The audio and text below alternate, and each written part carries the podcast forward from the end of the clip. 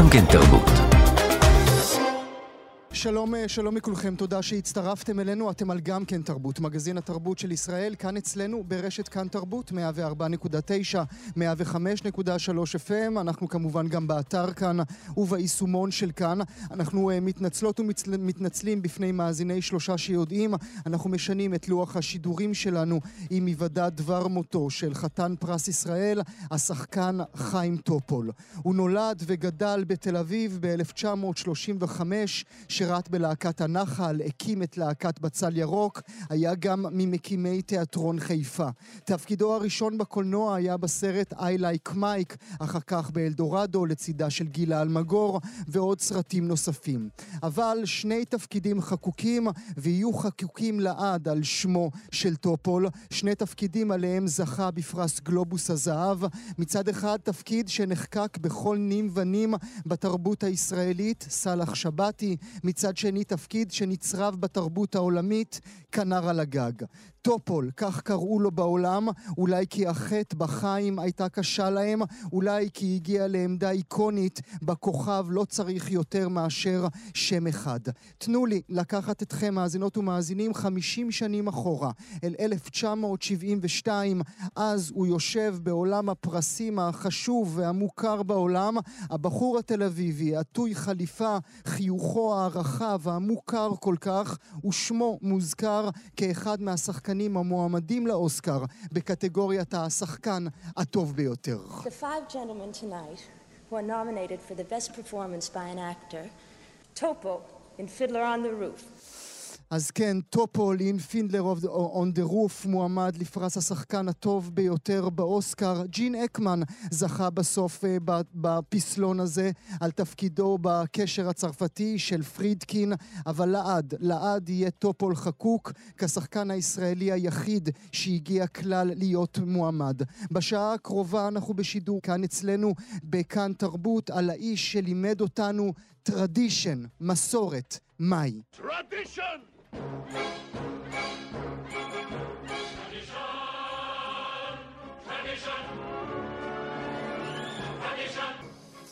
טרדישן, טרדישן, נברך לשלום את השחקנית, במאית הדיבוב, עדי טופול, בתו של חיים טופול. תודה שאת איתנו, נחמה רבה מאיתנו, גם מהתוכנית, גם מרשת כאן תרבות כולה. תודה, תודה לכם. תודה, תודה לך שאת נמצאת. שאתם uh, נותנים לו את הכבוד הזה, באמת. הוא לא, הוא לא קיבל את זה אף פעם כמובן מאליו. למרות הגבהים שאליהם הוא הגיע, עדי. לגמרי. יותר עממי מעממי. איך עבר הלילה? באיזה שעה זה קרה? 12 ו-30 במדויק. הוא נולד בתשיעי ועזב בתשיעי, בדיוק בגיל 87 וחצי. הייתם כולכם איתו? אמ, אה, אנחנו איתו, כל הילדים, נכדים, כולם הגיעו מכל קצוות העולם, יושבים איתו כבר אה, שלושה, ארבעה ימים, שרים לו, מדברים, מנשקים, מחבקים. הוא, כשהוא עזב אותנו, אה, היינו אני ובתי לידו, וקראנו לכולם. וכולנו שרנו לו את כל השירים האהובים עליו, וחיבקנו אותו ונשקנו אותו, וזו הייתה דרכו האחרונה. זו הקלה מסוימת עבורך, עדי, עבור המשפחה? אה, ההקלה היא לא לנו, ההקלה היא בשבילו. Mm-hmm. כן, הוא, הוא, כן, הוא לא רצה יותר. הוא... אבל uh, הוא היה ספורטאי על, עם דופק של ילד, והלב לא ויתר, והגוף והראש כבר ויתרו מזמן, והלב המשיך. היה לו לב גדול. כן. הוא הספיק להגיד, עדי, אני לא רוצה יותר? את זה הוא אמר כבר לפני uh, כמה שנים כשהוא ידע את מצבו ושהוא חולה אלצהיימר, אבל uh, בסוף הוא כבר לא יכול היה גם להגיד. אבל ראינו, ידענו. כן. איך היה, איך היה מסלול חייו? איך הבחור התל אביבי הזה הגיע אל הפסגה הגבוהה ביותר? את יודעת להבין מה היה שם? לפי התיאוריה שלו, הוא טוען שזה היה אה, אה, 95% מזל ו-5% עבודה קשה. Hmm. אה, כן, הוא, הוא לגמרי חושב שזה לא מספיק להיות, אה, אני אומרת מוכשר, הוא לא קרא לעצמו מוכשר, אבל הוא ידע שהוא עובד מאוד קשה. אה, רדף כל החיים אחרי עשייה ופרפקציוניזם. הכל היה חייב להיות עשוי עד הסוף ומושלם.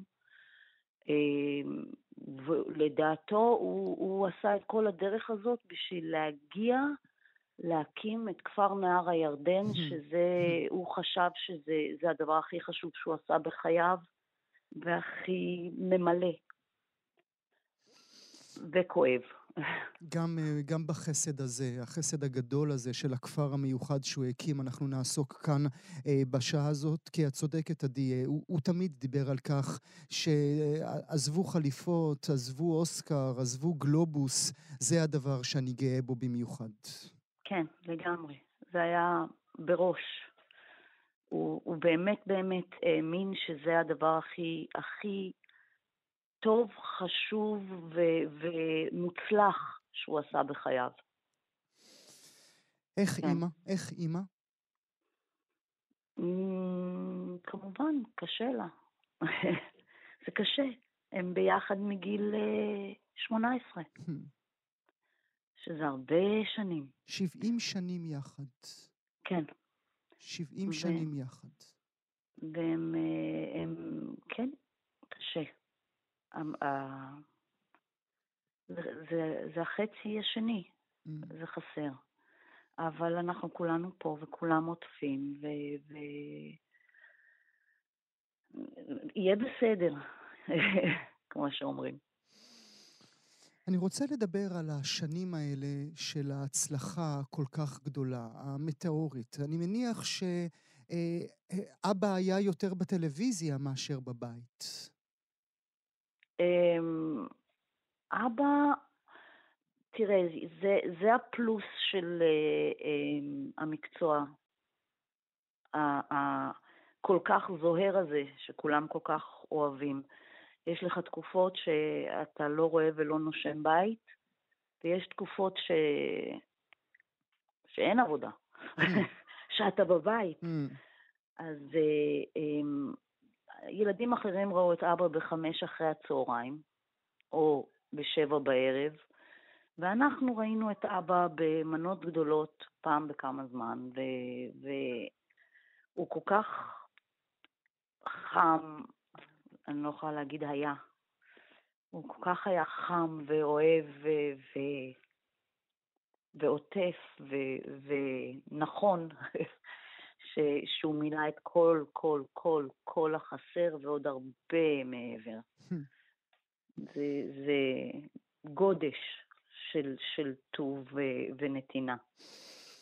הדברים היפים שאת אומרת לזכרו של אביך, אה, אני, אני חושב אה, על הסרט אה, התל צל ענק, כן? הסרט הגדול הזה שהוא שיחק בו אה, לצידו של קיר דגלס, אם אני זוכר נכון, גם יול ברינר ופרנק סינטרה. אני חושב על מושג הצל הענק. הוא היה צל ענק בבית? הוא, הוא ממש לא היה צל ענק, אם כבר הוא היה... אה, אה, הוא היה אבא. הוא, הוא היה אבא, הוא היה... אם אמרת שאתה רוצה לעשות משהו, הוא, הוא, הוא עזר בדרך הנכונה. זה אף פעם לא היה להרים טלפון לסדר לך דברים. זה תמיד היה, בוא אני אעבוד איתך, להכין אותך, בוא, בוא אני... בוא, בוא נשב ונחקור ונסד, ונלמד, בוא אני אביים אותך, בוא... זה לא היה, אה, אז אני כבר אדבר, אני אסדר לך mm, משהו. הוא לא האמין אף פעם בדרך הקלה. זה לא, זה לא עבד ככה. אבל כמי שבמידה רבה הלכה בדרכו, גם אה, שחקנית, גם שחקנית דיבוב, גם במאית דיבוב, צריך לומר, גם הוא עסק אה, בדיבוב כמה פעמים בתפקידים אה, נהדרים. הוא היה בארי פוטר, נכון? הוא עשה את דמבלדור, כן, אם אני את... זכרון? לא, את הגריד. את אגריד הוא עשה, לא את דמבלדור. זכרתי שהיה שם, לפחות בשני הסרטים הראשונים, כן. כן. אה, היה ניסיון שלך לברוח? לא, לראות כמה אבא, כמה אבא היה לו קשה בדרך ולהגיד אולי זה לא מקצוע שאני צריכה לקחת? אמ, אה, אני, אני לא יודעת, אני נולדתי לתוך זה, בגיל שלוש אמרתי שזה מה שאני רוצה לעשות, ולקראת זה הכינו אותי. אז אני לא באמת אה, ממש יודעת לעשות דברים אחרים. לא, אבל אה, כן, אנחנו, זה, זה היה לנו נורא טבעי, לא העברת על זה ביקורת. Mm. זה, זה נראה לך שככה החיים. אני גדלתי יודעת שאלה חיים ככה, אלה חיים ככה, אלה חיים ככה. לא העבירו על דברים ביקורת.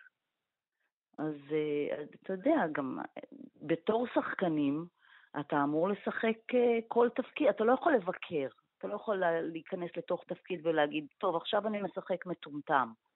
אין דבר כזה. עכשיו אני משחק איש רע. אתה פשוט הולך ומנסה להיות הבן אדם. אף בן אדם לא מסתובב ואומר על עצמו, אני אני ולא כיף לי, ואלה החיים, כולם חיים את החיים. וככה הוא ראה את זה, הוא קיבל כל אחד בדיוק כמו שהוא. Hmm. כי אחרת אתה לא יכול להיות אף אחד אחר. איך הוא התייחס אל ההצלחה? איך הוא התייחס לאוסקר? איך הוא התייחס לעובדה שהוא היה מועמד אה, לפרס הזה ושתפסו אותו ככזה? אמ, הוא כמו כל בן אדם, הוא נלחץ לפני כן והתרגש וחשב ש, שאתה יודע שזה חלק מה, מה, מהעבודה. הוא לא לקח את זה כמשהו אישי ואמר, אני, אני גדול, אני, אני... זה לא כזה, זה, זה חלק מהעבודה, העריכו, העריכו את העבודה שלו, אז הוא קיבל פרס, העריכו את העבודה שלו, אז העמידו אותו לפרס. הוא לא, הוא לא לקח את זה אה, כתפיסת עולם על עצמו ו, ומי הוא. זה כמו ש, שאתה מגיע לעבודה ואתה מקבל עובד מצטיין. זה לא, זה לא אה, אומר שאתה הבן אדם הכי טוב, אתה, כן. כל השאר, כן, הוא, הכל היה בפרופורציה, הוא, הוא בא, אתה יודע, מהארץ, מהתנועה, מה, ממלחמת השחרור, אבא בהגנה, אימא תופרת ואבא טייח. זה לא, כמו שאבא שלו רצה תמיד להיות מצטיין בעבודה שלו, הוא, זה, זה, הוא גדל על זה. הוא הרגיש... זה שאיפה. הוא הרגיש את האהבה הרבה שהייתה אליו? אה, את האמת, כן. מהאוכלוסייה הכללית, כן. מהעיתונות קצת פחות. אבל אה, כן. אמ, אנחנו ישראלים, אנחנו, אנחנו כולנו עובדים קשה וכולנו רוצים את ההערכה. וכשלא מקבלים אנחנו נעלבים. אבל אה, כן, לא, הוא, הוא היה מאוד מאוד פוזיטיבי, מאוד. ובעיקר דאג לאחרים. בעיקר דאג כן. לאחרים, אולי כך באמת צריך uh, לזכור אותו. כן. Uh, uh, uh, כאמור, את מספרת לנו, עדי, ששנותיו האחרונות uh, היו קשות, אבל הוא גם היה במידה רבה, uh, ותקני אותי כמובן אם אני טועה, uh, איש פוליטי. זאת אומרת, הוא היה, הוא דיבר את הארץ הזאת. הארץ הזאת הייתה חשובה לו, ודעות פוליטיות היו חשובות לו. הארץ הייתה חשובה לו מאוד, ותמיד אמ,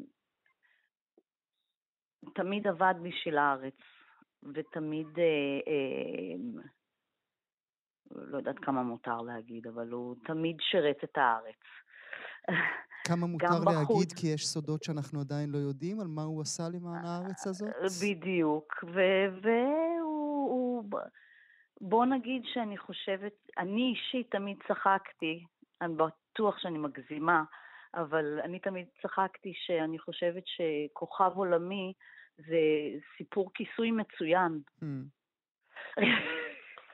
אבל זה די בהומור, לא, לא צריך לקבל את זה ככה.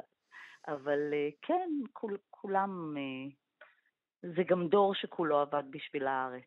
דור שכולו עבד בשביל הארץ. אולי בכך השתננו, נכון, עדי? אה, תשמע, אנחנו גם הרבה יותר עכשיו, אי אפשר שכולם יעבדו בשביל הארץ.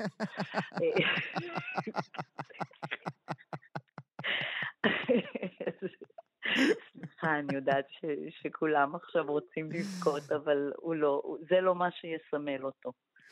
לא. אבל אה, כן, לא. הוא, הוא, הוא מאוד ארץ ישראל, הוא ארץ ישראל. הוא וחבריו והסבים והסבתות, וגם אנחנו. רק צריך לזכור את זה מדי פעם. זה... גם אלה שלא נמצאים פה בארץ, הם עדיין ארץ ישראל, וגם בשביל המדינה. זיכרון אחד של בת לאבא? וואו, זיכרון אחד של בת לאבא. איך, איך אני, אני, איך מתמצתים לזיכרון אחד? זיכרון אחד של בת לאבא. אמ, אה, כנר על הגג, אה, אני עושה את, אה, אנחנו, אני עושה אודישן וזה, ונותנים לי את התפקיד של חווה. Hmm. כי חווה זה התפקיד שהוא הכי אהב והכי נגע לו ללב, אבל הוא אמר, אני מעדיף שתעשי את סייקל, כי אני לא יכול, חווה זה, זה, זה מועך, זה, זה קורע את הלב חווה. אמרתי לו, אבל אני מעדיפה לעשות את חווה, אני יותר אוהבת את התפקיד הזה. ועשיתי את חווה, וערב ערב שנינו ייבבנו. פשוט היינו עומדים אחד מול השני ובוכים, ומיד אחרי זה אני צריכה לרוץ מאחורי הקלעים ולהגיע לריקוד חמוד ונחמד של, של ליטל בר, ליטל חבלה. והוא יושב ובקושי שר ומייבב, ואני רוקדת מאחור, אני... והשחקנים אמרו, איך את יכולה ככה לילל ערב-ערב? אמרתי, תקשיבו, כשאבא אומר לא, אבא מימיו לא צעק עליי. כשהוא צועק עליי לא, לא חווה. אין. איך, איך אני יכולה לא לבכות ככה? כן, זה, זה אנחנו. את הורגת אותי, עדי. טוב. אני מצטערת. את הורגת אותי. יש כבר... ותודה באמת לכולם כבר, על אה, ההשתתפות. יש כבר אין, סידורי הלוויה, עדי? אין עדיין אין פרטים? אין עדיין, אבל אני חושבת ש... אני עדיין לא יודעת באמת, אבל אולי אה, הבימה וכזה, ואז אנחנו... Mm, mm. יכול להיות שנעשה את זה מאוד מאוד פרטי, כי... כי הוא רצה להיות ליד ההורים שלו, וזה בקיבוץ, וזה קטן, ואני לא חושבת שכולם יוכלו להיכנס. אני מתנצלת מראש, אבל, אה, אבל אני מקווה שנוכל לתת את הצ'אנס, ואחרי זה אנחנו יושבים פה בבית שלנו, של אבא, ופה כולם יכולים לבוא ולבכות יחד איתנו. אני אה, שוב, עדי טופול, שולח לך אה, נחמה רבה מאיתנו, אני בטוח תודה, גם מטעם המאזינות והמאזינים הרבים שלנו. לזכרו של חיים טופול, תודה שהיית איתי הבוקר. ותודה לכולם שאהבו אותו ככה. תודה, עדי. ביי, תודה.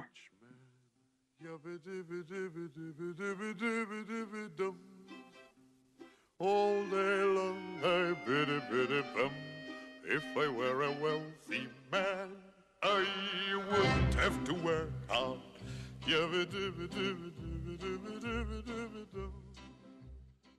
חיים טופול, אם uh, הייתי איש עשיר, כאמור, אה, מאזינות ומאזינים, אנחנו במשדר מיוחד של גם כן תרבות, כאן אצלנו ברשת כאן תרבות, עם היוודע דבר מותו של חתן פרס ישראל, חתן שני פרסי גלובוס הזהב, המועמד לאוסקר, חיים טופול.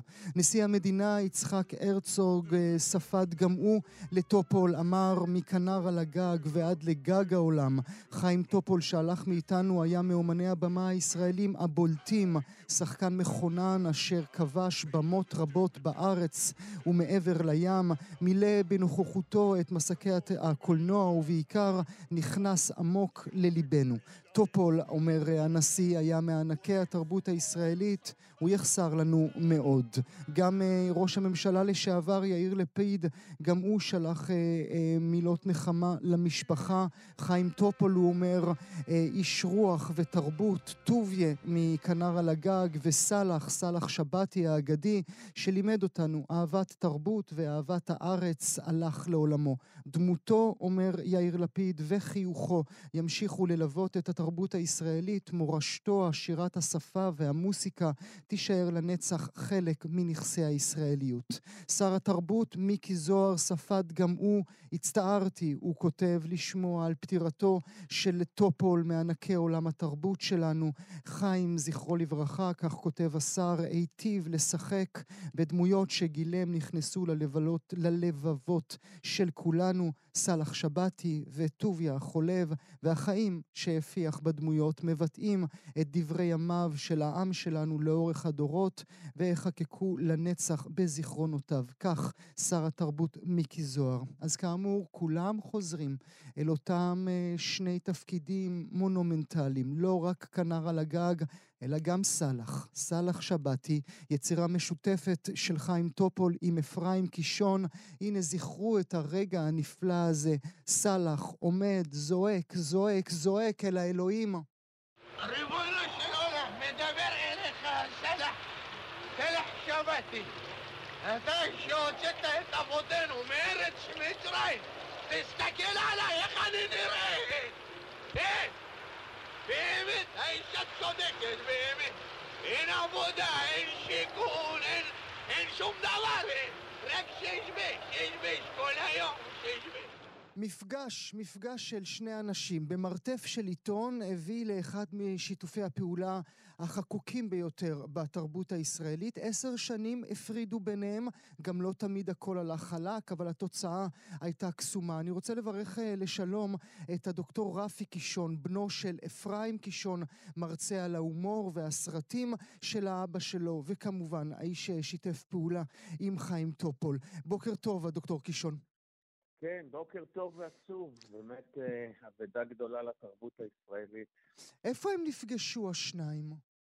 אז זהו, כולם מכירים את שיתוף הפעולה שלהם בדמות הסרט המופת האיקוני סאלח שבתי, ולא יודעים שהכל, חלק יודעים, בוא נגיד, שזה התחיל בלהקת הנחל, אבל לא יודעים שזה התחיל עוד, עוד הרבה לפני, כשאבי, העולה החדש, ניצול השואה, הגיע קודם למעברה, אחר כך לקיבוץ, עזב את הקיבוץ, הגיע לעיר הגדולה, בזמן הזה הוא לומד עברית כל הזמן, ובמהירות שיא, ואז הוא מתחיל לעבוד בעיתון עומר. במרתף של אותו עיתון יש איזה בית דפוס קטן שמדפיס את העיתון, מלבד פועל הדפוס הוותיק יש איזה נער צבר צעיר שעוזר לו רגע לפני שהנער הולך לצבא, וזהו חיים טופול.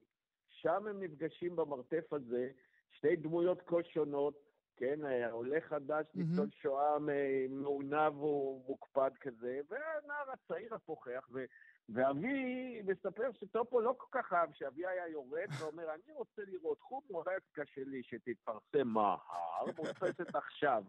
ואנשי הדפוס אמרו לו, יהיה בסדר, סמוך, קיבלנו את החומר, הכל תחת control, יהיה בסדר. והוא אומר להם, לא, לא, אני מספיק זמן פה בפרטצ'יה שלהם, שלמדתי שאתם הצברים אומרים, יהיה בסדר, סמוך, זה התחלה של אסון טוטאלי. אני רוצה לראות מודפס סופית. כן, צריך להגיד כרגע לצעירים שהם לא מבינים למה להתווכח על טעויות דפוס, כי עושים delete ומקפיצים עוד פעם, אז זהו, שפעם זה היה רבע שעה להחליף עוד דפוס בתוך המסגרת, כן. ואבי מקפיד על כל פסיק ו- וכל מקף, כי זה בהומור הכתיבה צריכה להיות מאוד מדויקת ומתמטית. אז טופול אחרי זה הולך לצבא, נהיה בלהקת הנחל, הוא מפקד הלהקה, והוא בחור נבון טופול, הוא מבין שההומור הפלמחניקי צברי כבר מתחיל למצות את עצמו, והוא מחפש כותבים חדשים, mm. נזכר ההונגרי הזר והמוזר הזה, מביא אותו ללהקת הנחל, אומר לו, תשמע, תכתוב לנו אולי כמה מערכונים, כסף אין לנו לתת לך, אבל תקבל פה ימי מילואים. אבי מסכים לסידור הזה, כי בשבילו לעבוד... זאת אומרת, ש... זאת אומרת שטופול הבין שהאיש ההונגרי הנודניק הוא גם מצחיק מאוד. בדיוק, בדיוק. למרות שלא בטוח שהוא התחבר ישירות בשלב זה להומור שלו, אבל הוא ראה פה את, ה... את הנחישות, את המאבק, היה, היה בטופול את היכולת לבחון אנשים את זה, והיה בו תבונה רבה, לא רק שהיה שחקן טוב, היה אדם חכם, ואז הוא מביא את אביו, ואביו מביא להם, ממיטב התוצרת היוקדת במוחו, הוא מביא לו את המערכון הראשון, הסוציאלית החדשה, על העובדת הסוציאלית שבאה למעברה לראיין את סאלח שבתי, והיא לא מבינה את mm-hmm. תשובותיו, mm-hmm. היא כמעט בוכה. ושם, נזכיר למאזינות המאזינים שלנו, שם סאלח נולד, הוא לא נולד בקולנוע, סאלח נולד בלהקת הנחל. בדיוק, שש שנים עוד לפני שהסרט בכלל עולה לאקרנים. וזה מערכון הראשון, אבל הוא כמעט לא נולד, הוא כמעט מת, כי כשאבי מביא את המערכון הזה, טופול קורא אותו, הוא בעינו מבצבצת דמעה חמה, והוא אומר למר קישון, מה, יפה מאוד שאתה עוסק בבעיותיהם של אחינו בני עדות המזרח, ובקשיי הקליטה שלהם, ובמעברות, אבל זה לא מערכון, זוהי טרגדיה. זה, זה עצוב, והקהל שלנו יקום ויברח, מה אתה מביא לנו סיפורים עצובים? ואבי אומר, כל חברי להקת הנחל חושבים כך, הוא אומר להם, חבר'ה, אתם אידיוטים, זה מצחיק מאוד, יהיו פה רעמי צחוק. הם אומרים לו, מי אתה הונגרי זר ומוזר שבא להגיד לנו, אבירי ההומור של ישראל, מה זה מצחיק? לא מעלים את זה. אז אבי אומר להם, אז אין לי מה לעשות איתכם, שלום, תודה, אלך הביתה. אז טופול ככה תבונה כזאת, אומר, טוב, טוב, בוא, בוא, אני אבדוק את זה פעם אחת, רק נוכיח לך שאנחנו צודקים. הם מעלים את זה פעם אחת על, להקה, על בימת uh, מועדון הקצינים בחיפה, קהל מאוד מכובד, וטופול אומר, אני מתחיל את הדיאלוגים הקשים, העצובים, קורעי הלב. משום מה הקהל פורץ בצחוק היסטרי חסר גבולות, שלא היה לנו מעולם צחוקים כאלה חזקים במחיאות כפיים שמרעידות את התקרה. וטופל אומר, ואני בדיכאון, איך הם מעזים לצחוק על טרגדיה אנושית כזאת? מה קורה פה? איך הוא ידע את זה לעזאזל? אבי מחכה להם מאחורי הקלעים, וכל זה טופול מספר, כן? קישון מחכה לנו מאחורי הקלעים, אנחנו נעמדים סביבו בחצי גורן, מבטנו שפוף משהו, אבל קישון, בגלל הנימוס האירופי שלו, אומר לנו רק משפט אחד מאוד מאוד קצר. אמרתי להם שאתם אידיוטים. כן. אמרתי לכם שאתם אידיוטים. אידיוטים. וזה טופול אומר, לא היה צריך להגיד מילה נוספת, כי זה היה ברור כשמש בצהריים. אנחנו אידיוטים גמורים, וזה גאון נדיר של הומור. ומה? אני יודע לכתוב עשרות מונים מאיתנו. ומה, חמש שנים אחר כך, אה, אבא שלך מביים, זה בעצם הסרט העלילתי הראשון שהוא מביים, והוא מחליט לעשות את זה את סאלח. כן, כמובן. כן. קודם כל, שלוש שנים הם עובדים על הדמות של סאלח במערכונים, ועוד שלוש שנים בלהקת בצל ירוק, שהיא להקה אזרחית mm-hmm, שיוצאת mm-hmm. מלהקת הנחה. ורק אז אבי בא אל טופול אומר לו, בוא חיים, בוא נעשה סרט על זה. אני, אני אעשה, אני אכתוב תסריט ואני אביים. ושוב פעם טופול צוחק עליו, מה, אתה יודע כמה קשה לעשות סרטים? לא למדת מעולם קולנוע, צילמת את רפי'לה בגן הקופים, אז אתה חושב שאתה במאי גדול? לא, לא, זה לא הולך. ואבי אומר לו, חיים, כאדם אינטליגנטי יכול לעשות כל דבר בהצלחה. אז טופול אומר, מה אכפת לי, אני ארכוש קצת ניסיון, ארוויח קצת כסף, אם יהיה עוד פעם כישלון, כמו שני הסרטים הראשונים שעשיתי, זה הכל על כתפיו של קישון. ואז הם ניגשים לאולפן הרצליה ועושים את הסרט עם צוות טכני מאוד טוב מארצות הברית. והנה, באופן מפתיע ובלתי נתפס, זה הופך לסרט הישראלי המצליח ביותר של כל הזמנים. כמובן. עד היום, עד, עד היום. היום. עד היום. אם אתה בוחן את שם... הפרסים מול הקהל. מה היה שם בחיבור בין שני האנשים האלה? היה, היו שם אה, להבות? היו שם, היה שם בלגן? הייתה שם אהבה? הייתה אהבה, כי זו הייתה חברות אמיצה עד יומו האחרון של אבי. הם היו חברים בלב ובנפש, והיה באמת, יכולת לראות פה אה, אה, אה, שני גברים חזקים שבאים מתחומים שונים, כמו שאמרתי, אחד ניצול שואה, עולה חדש, בא עם כל התרבות האירופית המוקפדת, השני צבר, שובב, שופע חיים, שמחת חיים, וכל אחד מהם ידע לוותר גם על האגו שלו בנקודה הקריטית. כן, אבא שלי אמר, רגע, אני מאוד גאון יוצר פורה, אבל הטופול הזה מביא פה רעיונות. Mm-hmm. למשל, השם, הדבר הכי חשוב, השם סאלח שבתי, אבי בכלל קרא לו בהתחלה סעדיה לדמות הזאת. ואז טופול, שכבר הסתובב קצת במעברות כדי ללמוד לקבל השראה לדמויות האלה שהוא אמור לשחק, אמר לו, תשמע, הייתי אצל מישהו בשם סאלח שבתי, וזה נראה לי שם יותר מתאים. אבי אמר לו, בסדר, אתה צודק, הרבה הרבה דברים הוא ידע, אבי היה לו את הפתיחות לקחת ולקבל, ולהבין מה טופול יכול פה לתרום. מה כל אחד מהם. אני, אני רוצה עוד רגע שנעבור על סרט נוסף שהם, אה, שהם עבדו עליו ארבינקה. יחד, ארבינקה כמובן, אבל לפני כן, אתה כילד, בן כמה היית? היית אז, אני מחשב, בן שש, שבע, שמונה, כן, כאלה. שש, לא, בגיל שש ראיתי את טופול על, על, על, על, אה, בצריף באולפני הרצליה בתור סאלח שבתי. היית שם? הסתובבת בין, בין הרגליים כן, של כן, כולם? כן. כן, כן, הייתי איתו, גאולה נוני, הייתי מגיל שש, הייתי מאוהב ביפהפייה הזאת. וטופל קצת הפחיד אותי, הוא היה דיבר ככה בקול כזה וזהו, היה זוכר קצת, היה דמות כזאת מעוררת יראה מסוימת. הייתה שם עז, אה, אותה איש שמאוד עניינו אותי גם. זה הזיכרונות שלי משם. המדהים הוא שתבין, הדמות הזאת של שלח, הזקן, הכפוף, הזה, טופל במצב הזה הוא בן 30, mm-hmm, בחור צעיר כן, חתיך, כן, גבוה כן, וזה, כן. ויודע לשחק את הדמות בצורה כל כך מושלמת. טופל בעצמו מספר, הגעתי לשלמות, הוא קיבל גלובוס זהב על התפקיד כן, הזה. כן, כן.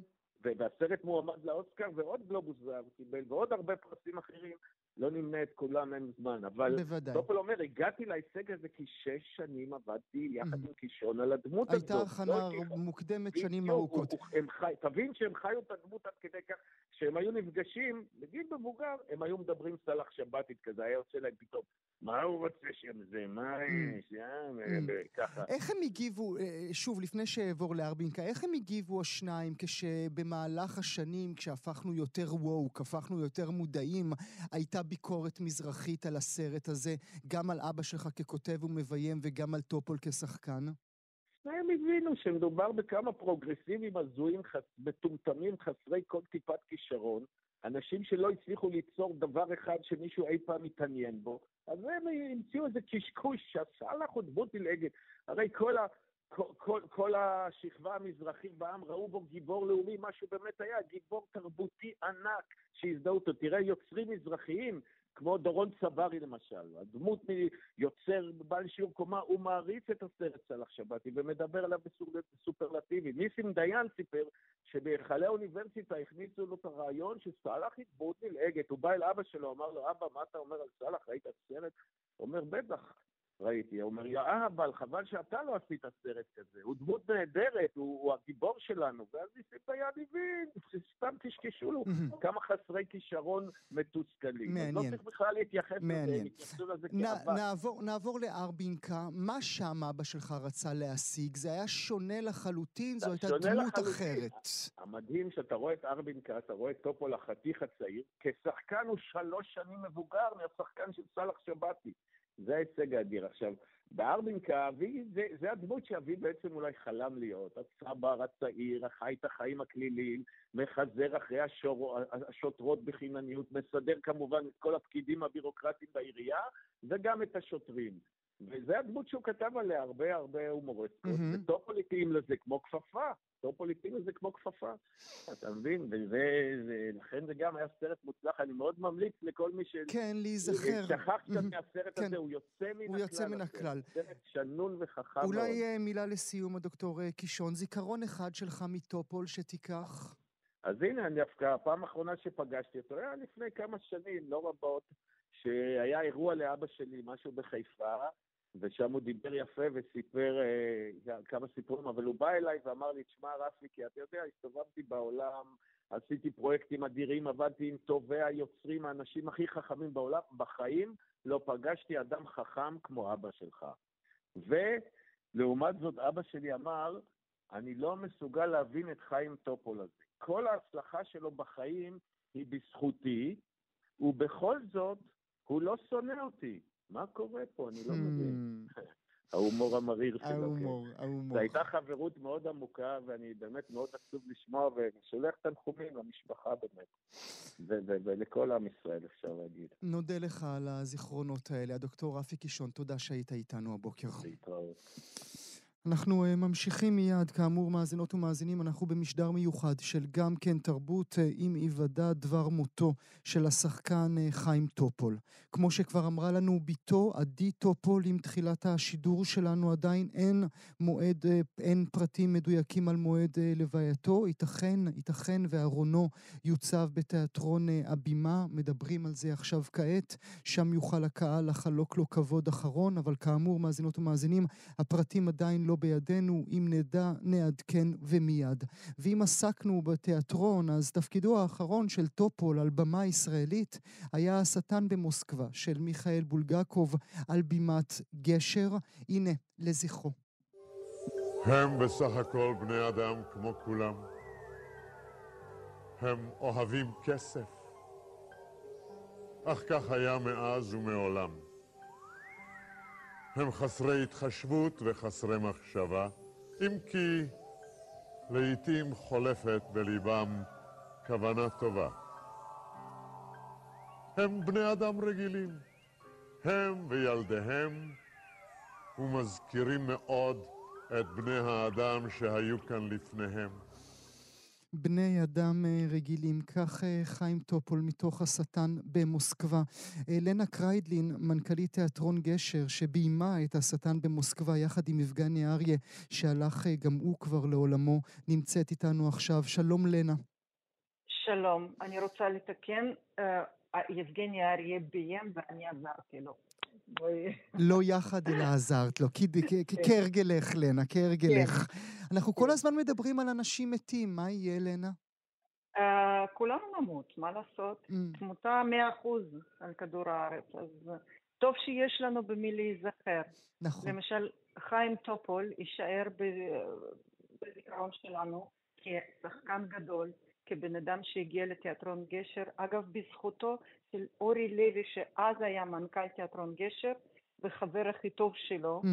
uh, אז הוא הביא אותו אלינו ואנחנו היינו מאוד גאים שאיתנו mm. על אותה במה מופיע כוכב הוליוודי mm-hmm. ומלמד אותנו ומחלק איתנו את כל הידע שלו על מדינת ישראל, על ההיסטוריה של ישראל, שלא ידענו מספיק והוא לימד אותנו. אתם, אתם ו... כולכם כמה זמן בארץ? בקושי עשר שנים, נכון? Uh, בקושי עשר שנים, כן. בקושי עשר שנים אתם בארץ, התיאטרון כבר מוקם, אתם מעלים את היצירה המונומנטלית הזו של אה, בולגקוב. את ידעת מי זה טופול לפני שפגשת בו? כמובן. אני ידעתי מי זה טופול בזכות אורי לוי וכנר על הגג, כמובן. Mm-hmm. Uh, וזכיתי גם להיות שכנה שלו באותו זמן, וזכיתי גם לטיולים בבוקר uh, על שפת הים, כי הוא הלך כל בוקר על שפת הים חמישה עשרה קילומטר, אני לא יודעת אם אנשים יודעים את זה, אבל כל יום עד שהוא יכל הוא עשה את זה, ואולי זה היה הסוד שלו, שהוא נשאר צעיר עד יום מותו לדעתי.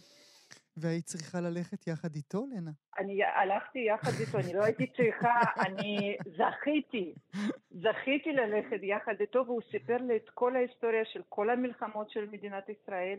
זה, זה בלתי נשכח כל mm. החוויה הזאת. שלא נדבר על החזרות בתיאטרון גשר, זה היה זו הייתה חבורה... אני, אני, אני רוצה שנדבר רגע, עוד רגע על החזרות, אבל עוד לפני כן, את אומרת, הוא סיפר לך את ההיסטוריה כעולה חדשה, את ההיסטוריה של כל מדינת ישראל. הוא היה ציוני גדול, נכון, לנה? מאוד, והוא גם אמר לי שהוא אה, חי על זמן שאול. כך הוא אמר תמיד, כי כל החברים שלו, רוב החברים שלו נפלו במלחמות, והוא זכה להישאר בחיים. אז הוא מתייחס לזה כמתנה hmm. uh, מאלוהים. זה, זה היה מאוד מעניין, זה היה חדש לי. Uh, ובאמת, uh, הוא, הוא כמו עוד כמה אנשים ש... פגשו אותנו פה במדינה, כשעלינו, mm-hmm. הוא הכניס אותנו עמוק לתוך ארץ ישראל, זה, זה, זה מאוד יקר. Mm-hmm. איך אה, שני האנשים החזקים האלה, יבגני זכרו לברכה, יבגני אריה וחיים טופול, עכשיו אנחנו צריכים גם כן לומר זכרו לברכה, איך שני האנשים האלה התפוצצו יחד? Uh, לא פשוט. Uh, אולי נדבר על זה ביום אחר. אבל זה לא היה פשוט, כי זה שני אומנים גדולים, כל אחד עם האופי שלו, עם האגו שלו, ולא היה חלק ולא היה פשוט. היו תקופות בזמן החזרות ובזמן ההצגות, כי ההצגה הזאת הייתה מאוד מיוחדת. עשינו את המחזמר הזה להרצה חד פעמית של 82 הצגות רצוף, כל ערב. זה עמד על הבמה ולא ירד. וכל יום הופענו את זה. אז זו הייתה תקופה ארוכה שאנחנו ביחד, כמו משפחה, חיינו בתיאטרון, כולנו, כולל תזמורת של 22 איש. אז uh, זה לא היה פשוט, היו תקופות שהם רבו, לא דיברו אחד עם השני, התכתבו במכתבים, תארי לעצמך, החדר, חדר הלבשה של טופול היה בקומה השלישית והחדר של יבגני בקומה השנייה, והם התכתבו במכתבים זמן מה, כשהם לא רצו לדבר. אבל, uh, אבל... יש לך את כן, המכתבים, לנה? יש לך אותם? יכול להיות שאני אמצא את זה, כי זה היה גם באנגלית, את יודעת. אז, אה, אבל אה, כן, אה, אז אני זוכרת את, ה, את הדברים האלה, ואני זוכרת איך השחקנים שלנו התייחסו אליו. על הבמה, אני מתכוונת, כי הוא דרש מאוד מאוד את התשומת לב כלפי עצמו. Mm-hmm. אז יש הרבה שחקנים, היו הרבה שחקנים על הבמה, אז 35 איש על הבמה, אז uh, זה היה מורכב, לא פשוט. אהוד מנור כתב את המלל, mm-hmm. אבי בנימין כתב את המוזיקה המקורית, יבגני אריה ביים, בולגקוב מעלינו, mm. עם כל האמונות תפילות שאי אפשר לביים את אמן ומרגריטה כי משהו יקרה, וקרו דברים. קרו? קרו? קרו? קרו, קרו. א', אה, נפל לנו ירח ומזל לא, לא פגע באף אחד. Mm. היו בעיות. בקיצור, היו הרפתקאות שם. בולגקוב uh, לא, בולגקוב לא כל כך אוהב. כן.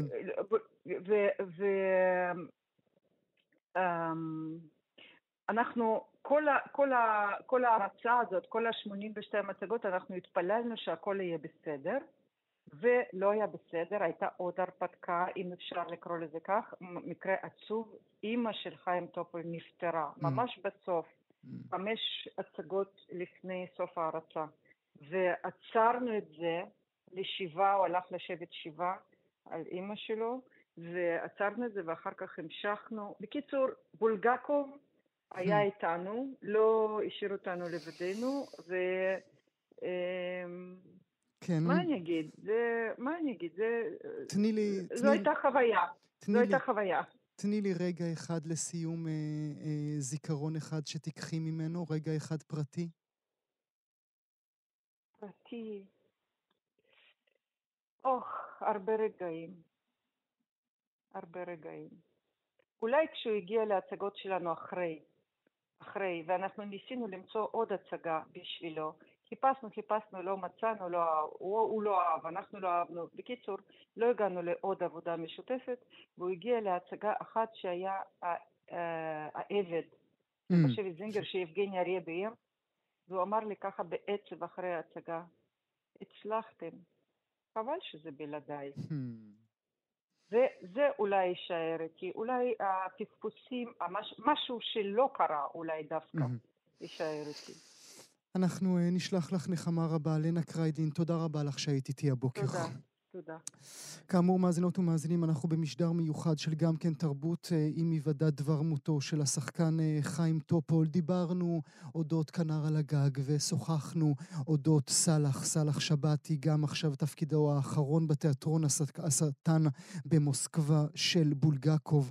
אבל כמו שאמרה לנו אה, בתו עדי טופול בשיחה הראשונה שקיימנו בשעה הזו, שיא גאוותו, שיא גאוותו של חיים טופול היה כפר נער הירדן. זהו כפר נופש ייחודי לילדים המתמודדים עם מחלות כרוניות, גנטיות, מסכנות חיים, וזה, זה כל מה שהוא רצה לעשות בחיים. נמצא איתנו עכשיו המנהל הרפואי של כפר נער הירדן, הדוקטור הרצל גבריאל, שלום לך. שלום לך, שלום לך. נחמה מאיתנו אליכם. תודה. הזיכרון שלך מחיים? אנחנו חיים ליווה אותנו 15 שנים אחרונות מאז שהוא נרתם לרעיון של הקמת כפר נער הירדן, ושני הזיכרונות הראשונים החשובים איתו, הראשון שישבתי איתו בתל אביב בצוות מצומצם וניסחנו את חזון הכפר, שהסוף שלו זה המילים לחגוג את החיים, שכל ילד בא לחגוג פה את החיים.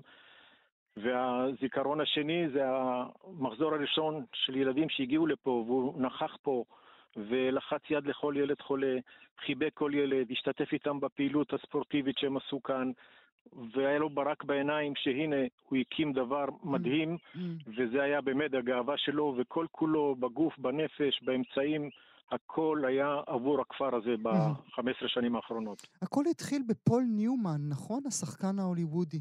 נכון, פול ניומן ביקר ילדים חולים בבית חולים בניו הייבן בקונטיקט, ושאל מה חסר לכם.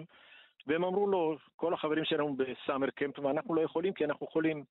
ואז הוא לקח כמה מיליוני דולרים מהכסף הפרטי שלו והקים את הכפר הראשון, ראה כי טוב, הכריז שכל ילד חולה זכאי לחופש כזה חינם, ללא עלות למשפחה, וככה הקים אסוסיישן, אסף עוד תורמים וכספים, והיום אנחנו אחד מ-16 כפרים של הארגון הזה, ש...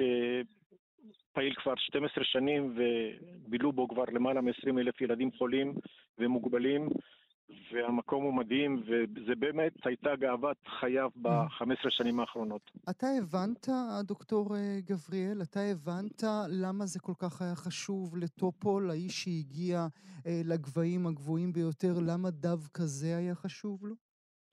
תראי, הוא היה חבר מדהים והייתה בו נתינה מדהימה, וכשפנו אליו זוג יהודים שהיו בקשר עם פול ניומן ואמרו לו, חיים, בוא תקים פה כפר, הוא מיד אה, הסכים ונסע לפול ניומן לפגוש אותו, ואסף חברים טובים, התחילו לאסוף כספים, והם הצליחו לגייס למעלה מ-100 מיליון שקלים להקים את הכפר המדהים הזה. ומי שנכח בכפר הזה באמת יוצא מפה עם דמעה בעין מרוב התרגשות, כי המקום הוא באמת מדהים.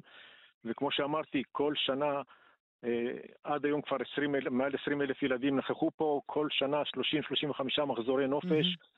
לכל ילד עם כל מחלה או מגבלות אה, רפואית ונפשית, וזה פשוט אה, פרויקט מדהים שלו, והוא היה רתום לרעיון הזה ממש, ממש בכל הילד... הוא היה ממש עם הילדים? הוא ביקר פה המון בכל מחזור בהתחלה, ובדק כל דבר, והיה אכפת לו מכל דבר, ותמיד בדק שהרפואה כמו שצריך, והתחזוקה כמו שצריך, והאוכל בסדר.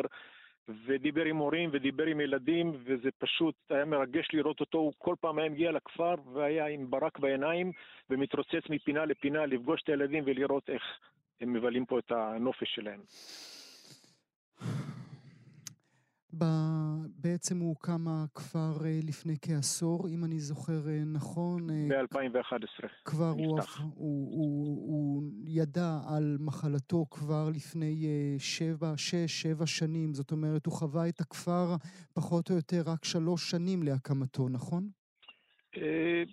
לא, הרבה יותר שנים, וגם כשהוא כבר, המצבו לא היה מאה אחוז, הבן שלו וחברות מהוועד המנהל דאגו להסיע אותו לפה, והוא ישב איתנו ודיבר ונכח. בעצם רק בשלוש שנים האחרונות אה, הוא נאלץ להתנתק מכל המקום הזה. והוא עדיין שמע, גם בשלוש שנים הקשות האחרונות, אה, שמע מכם? היה חשוב לו לדעת היה חשוב לו, וגם הזה... גם חברים, חלק מהחברים מהכפר שהוא מאוד מאוד העריך, אפילו ביקרו אותו דרך הבן שלו.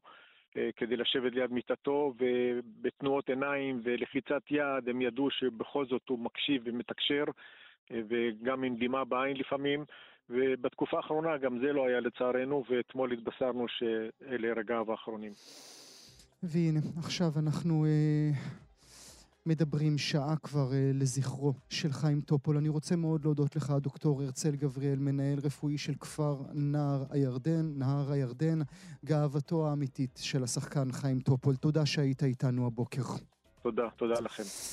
מאזינות ומאזינים, אנחנו הגענו אל סיומה של השעה שלנו אה, לזכרו של השחקן אה, חיים טופול. אה, מיד אחרינו שעה מיוחדת בה נשדר תוכניות מיוחדות לזכרו של חיים טופול, תוך שעה שתכלול ראיונות נבחרים ושירים מהסרטים הגדולים שלו. בין היתר נשדר ראיון מהתוכנית חיים שכאלה משנת 1977, גם שיחה מתוך התוכנית טלסינמה מ-1989, שיחה שכוללת בין אפרים קישון ראשון לחיים טופול.